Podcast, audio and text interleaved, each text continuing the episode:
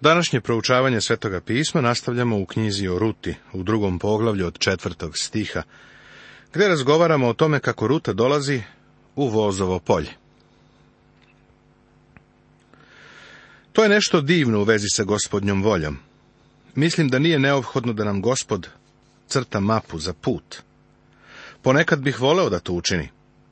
Slušam i kako danas ljudi govore o tome, kao da imaju tu kartu za put. Ovako kažu, gospodnja volja za mene je bila da učinim ovo i znao sam da to jeste Božja volja i tačka. Siguran budi da bih voleo da je to tako jasno. Pre mnogo godina kad sam bio pastir u jednom gradiću u Teksasu, u Americi, iz drugih crkava sam primio dva poziva za posetu. Jedan iz istočnog Teksasa, a drugi sa zapada Kalifornije. Nisam znao koji da prihvatim, iskreno govorim. Spustio sam se na pod i vapio pred Bogom da mi pokaže koji poziv da prihvatim. Ali on to nije učinio, nisam imao viziju. Ali onda sam čuo kako je dr. Harry Ironside izjavio da odluke koje je on u svom životu morao da donese, 80% tih odluka, mislim da je tu brojku dao, bile su donete, a da tada nije znao da li to jeste Božja volja. Nije to znao sve dok nije prošlo neko vrijeme. Kada sam to čuo, vratio sam se kući svojoj supruzi rekao da se situacija raščistila i da smatram da treba da idem u Kaliforniju. Nisam bio siguran, ali sam verovao da u tom pravcu treba da se krećem.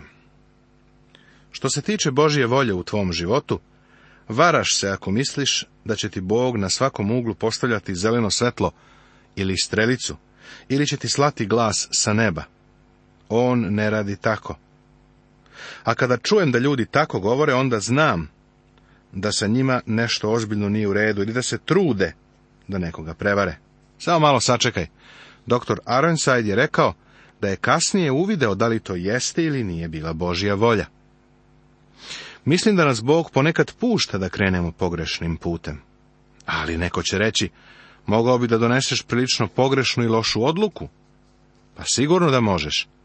Zanimljivo je to da ako pred sobom imaš dva puta i onda izabereš pogrešan, onda ništa na svetu ne može da te spreči da se vratiš nazad i da kreneš ponovo. U ovo možeš biti siguran. Ako na izboru imaš dva puta i onda prvo izabereš pogrešan, potom ćeš znati koji je put pravi. Zapanjuje koliko mnogo ljudi Božju volju tumači kao lakši put, ali nije uvek lakši put. Za Rutu, na primjer, svakako nije bio lakši. Da si pitao Rutu da li znam da ide na pravo polje, ona bi rekla, ne znam o čemu govoriš. A da si je pitao zašto je baš izabrala to polje, mislim da bi ti odgovorila, molila sam se za to. Pre nego što sam jutros izašla iz kuće, molila sam gospoda da me vodi. Stvarno nisam znala kojim putem da krenem, ali sam došla ovde, pogledala na polje sa lepim žitom. Na njemu nije bilo mnogo siromašnih ljudi u pabirčenju, pa sam bila dosta sigurna da je vlasnik polja, kogod da je on, bio tvrdica. Ali tamo preko puta, tamo je mnogo siromašnih pabirčilo. Znala sam da je taj čovek sigurno darežljiv. Morala sam da pronađem takvo polje jer sam moavkinja, strankinja, izgnanik, a nisam htjela da me oteraju, zato sam izabrala ovo polje.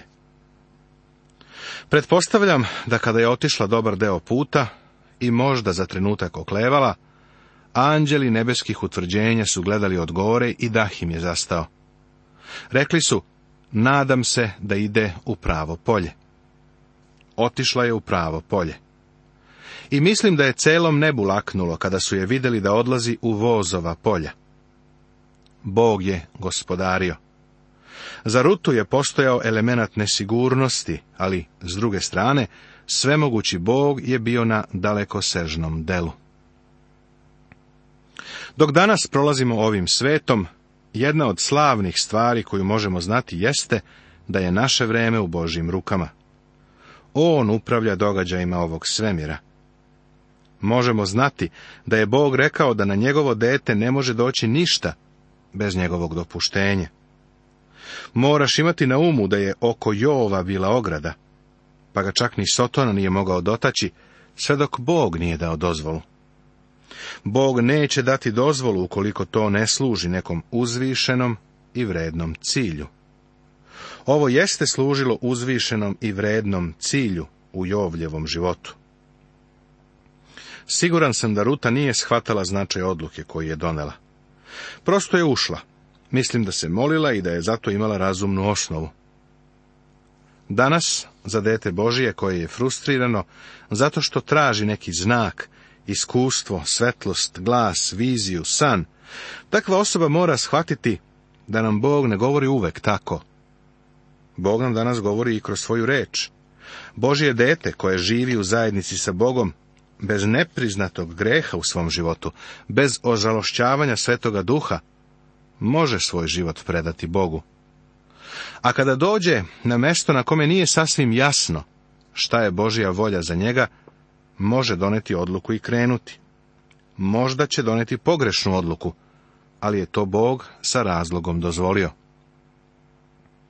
Kada pogledam unazad na moj život, bio je jedan događaj kada sam očekivao da će mi Bog otvoriti vrata, ali on to nije učinio. U stvari, on je ta vrata zalupio meni u lice. Vrlo neprijatno sam se osjećao. Ali, zahvaljujem Bogu da je to učinio, jer kad se sad osvrnem, vidim da je tako najbolje. To je slično onome što je Josif rekao svojoj braći, kada su mu došli nakon Jakovljeve smrti. Rekao je ovo u prvoj Mojsijevoj u 50. poglavlju u 20. stihu. Vi ste mislili zlo po me, ali je Bog mislio dobro. Kako je to divno! I neka ovo bude za nas ohrabrenje. Možda grizeš nokte i pitaš se zašto nemaš jasno voćstvo. Poznaješ hrišćane koji postupaju kao da imaju uspostavljenu vruću telefonsku liniju sa nebom. Divno je to što svi imamo pristup Bogu, ali nisam siguran da nam On svima uvek odmah odgovara. Zato budimo vrlo pažljivi kad dajemo ovu izjavu znam šta je Božja volja. Prosto, ne možemo uvek biti sigurni. Ali možemo naš put predati njemu. Možemo biti bez nepriznatog greha u životu. Možemo da ne žalostimo svetoga duha. Možemo biti u središtu gospodnje volje na najbolji nam mogući način. Da, prijatelju, na divan način možeš da se predaš Bogu.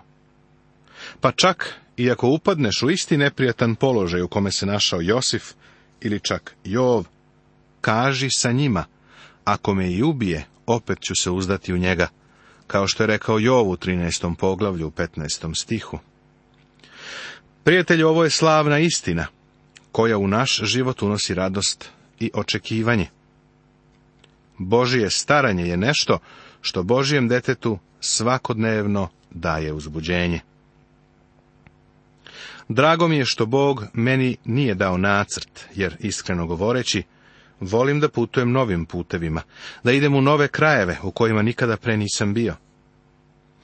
Učinio sam to jedne jeseni kad smo bili u Ozarksu. Kako je to bio krivudav i neravan put. Svaka okuka, svaki zavoj bili su uzbudljivi, jesenje lišće je bilo raskošno. Priroda je izgledala raskošno, svaki obrunak je bio prekriven raznobojnim slikama. Tako sam srećan što mi Bog nije unapred poslao slike svega toga. Kako život može da nam bude uzbudljiv. I gle, dođe voz iz Vitlejema, a reče žetelcima, gospod da je s vama. I oni mu rekoše, da te blagoslovi gospod. Iz nekog neobjašnjivog razloga, voz je bio sprečen da na polje dođe rano ujutro. Bio je to uspešan čovek, pa možda i nije morao da rano dođe tamo. Ali po karakteru ovog čoveka procenjujem da je on nadgledao i pratio svaku situaciju. Verovatno je toga jutra imao neka posla u Vitlejemu. Možda je morao da čeka da se otvori prva nacionalna vitlejemska banka da bi podigao platu za radnike.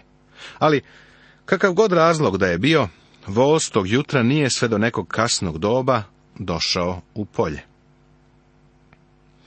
Zapazi šta je uradio kada je tamo stigao. Rekao je žetaocima, gospoda je s vama. Ovo je obraćanje jednog posjednika, a oni su odgovorili, da te blagoslovi gospod. Bio je to odgovor radnika.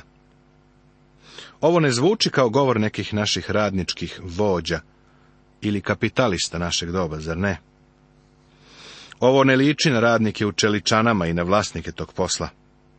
Nažalost, kapital i rad su danas vrlo daleko od Boga. Iskreno da kažem, ja sam siromašni propovednik i nisam kapitalista. Moj otac je bio radnik. Sećam se da je većinu vremena bio u radnom modelu jer je bio vredan radnik. Ja prosto ne odobravam današnji bezbožni kapitalizam.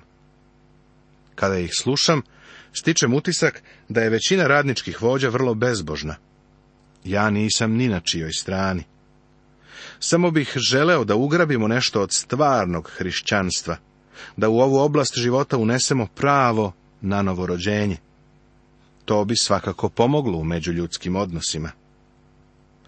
Tada bi čuo ovakve dijaloge. Kapitalista kaže, gospod nek je s vama, a radnici odgovaraju, gospod neka te blagoslovi kako je divan odnos vlasnika i radnika postojao na vozovim poljima. Tada reče voz sluzi svojemu, koji beše nad žeteocima, čija je ono mladica. Sada smo stvarno došli do uzbudljivog dela naše priče. Ova mala strankinja po imen Ruta bila je spremna da prihvati siromaštvo i izbeglištvo, i trajno udovištvo i sada se nalazi u polju i pabirči. Slučajno je dospela na polje voza najpoželjnijeg neženje u Vitlejemu. Pretpostavljam da su ga majke kćeri spremnih za udaju u Vitlejemu često pozivale na čaj ili ručak. Ljudi kažu da put do muškog srca vodi preko stomaka. I ja mislim da su mnogi oprovali taj put. Ali nekako on nije bio zainteresovan za te lokalne devojke. Ali onda jednoga dana on odlazi na svoje polje i prvi put ugleda ovu mladu udovicu iz Moava. Kažem ti da se zaljubio. Naš prevod je ovdje dosta krut. Ima mesta koja, po mom mišljenju, mogu da se osavremene. Konkretno mislim na ovo mesto. Voz ovdje u stvari nije rekao čija je ono mladica, misleći devojka dozvoli mi da ti dam nekoliko vrlo slobodnih prevoda. On ovako kaže, gde je za ime sveta do sad bila da je ranije nisam sreo? Vidiš, ovo je stvarno slobodan prevod. Ili da to kažem drugačije. Možda sa jevrejskog jezika i ne može sasvim precizno da se prevede, ali ovo je zvučalo kao uzvik oduševljenja. Zaljubio su devojku. Bila je to ljubav na prvi pogled. Možda se pitaš da li verujem u ljubav na prvi pogled. Verujem, i to vrlo snažno. Svoju ženu sam zaprosio na našem drugom sastanku. Razlog zbog kojeg je nisam zaprosio na prvom, bilo je to što nisam želeo da misli da mi se žuri. Ali ako si mlad, nemoj da ti ovo bude izvor nekih ideja. Meni se to desilo godinu dana pre nego što sam se oženio. Želeli smo da budemo sigurni. Da, verujemo ljubav na prvi pogled, ali mislim da ljubav treba jedno vreme proveravati pre nego što dođe do braka.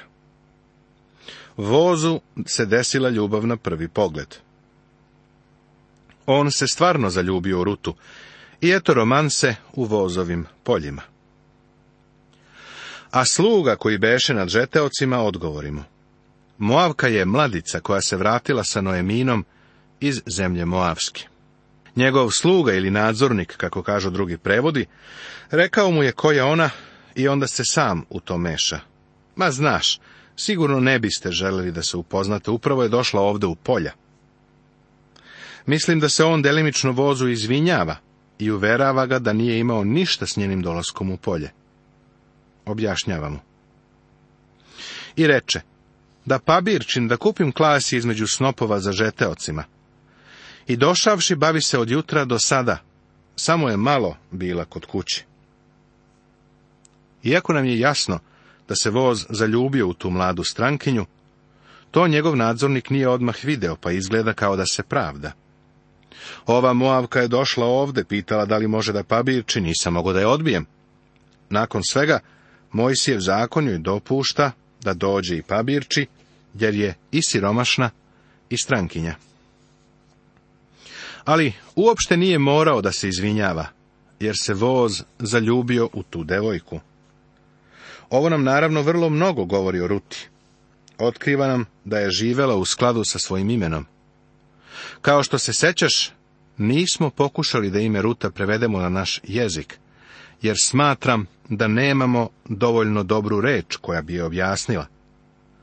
Ruta znači lepota, karakternost, pa smo predložili reč glamur, ali je ova reč potpuno uništena kroz Hollywood i današnju jeftinu literaturu, pa prosto ne znam koju reč da upotrebim.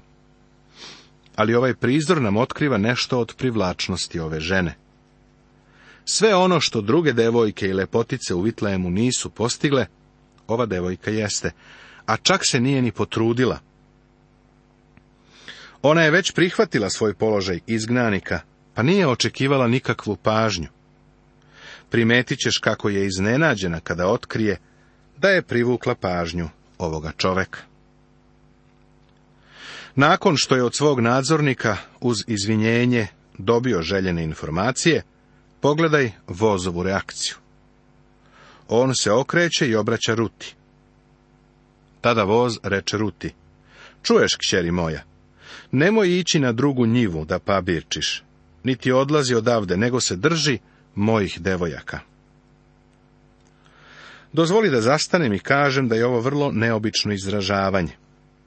Evo čoveka koji zaista ne želi da ima siromašne u svom polju. Mojsijev zakon kaže da mora da im to dozvoli. Mislim da je voz bio darežljiv, ali prosto nije obaveštavao siromašne, dođite, pabirčite.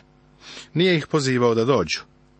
Ali evo jedne prilike kada napušta svoj kurs i savjetuje Rutu da ne ide u drugo polje da pabirči. Želim da pabirčiš u mom polju. Pa sada ko je tu zainteresovan? On ili ona? Također dodaje. Pazi na kojoj njivi oni žanju, pa idi za njima. Ja sam zapovedio momcima svojim da te niko ne dira, a kad odžedniš, idi k sudovima i pi što moje sluge zajtaju. Ovde imamo dve vrlo važne stvari. On ne samo da je poziva da ostane u tom polju, već je zaklanja plaštom svoje zaštite. Ovako kaže. Dao sam naređenja da možeš doći u polje i da ne smaju da te ni na koji način vređaju ili nanose zlo. Iskreno govoreći, u to vreme je bilo vrlo opasno naći se u rutinoj poziciji. M udovica, M Moavka. Najverovatnije je trpela uvredu za uvredom. I ne samo to, nije bila ni bezbedna. A voz, uvidevši to odmah, oko nje stavlja plašt svoje zaštite. Na ulicama Vitlema u to vreme bilo je nesigurno, otprilike isto kao i na ulicama naših savremenih gradova. Jedan moj prijatelj misionar iz Afrike je to ovako izrazio. Bezbednije je na stazama džungle u Africi gdje ja služim, nego na ulicama Los Angelesa u Americi. U to se pretvorila civilizacija, a posebno ova nova civilizacija sa liberalnim pristupom kriminalu. Oni kažu da sirotog kriminalca treba vratiti u društvo i on će se popraviti. Stvar je u tome da zločinac treba da se kazni ovome se moramo vratiti. To je cilj zatvaranja čoveka u tamnicu. Ne postoji nikakva druga namera osim da bude kažnjen. Koliko danas imamo poboljšanja i popravljanja? Takvo razmišljanje je skoro farsa. Bog to zna, jer poznaje ljudski rod, poznaje tebe i mene. On zna da mi imamo staru prirodu, pa sve dok ne dođemo Isusu Hristu, ne možemo se popraviti, prijatelju. Sada ćeš vidjeti rutinu reakciju na ovaj vrlo plemeniti i velikodušni vozov gest. Tada ona pade ničice i pokloni se do zemlje i reče mu, kako nađoh milost pred tobom da me pogledaš kad sam tuđinka? Kada sam prvi put napisao moju knjigu Ruta, romansa izbavljenja, zauzeo sam stav da je Ruta bila ili naivna ili koketna, da je vrlo mudro igrala postavljajući pitanje kako nađoh milost pred tobom, da me pogledaš kad sam tuđinka. Da priznam, taj stav više ne zastupam.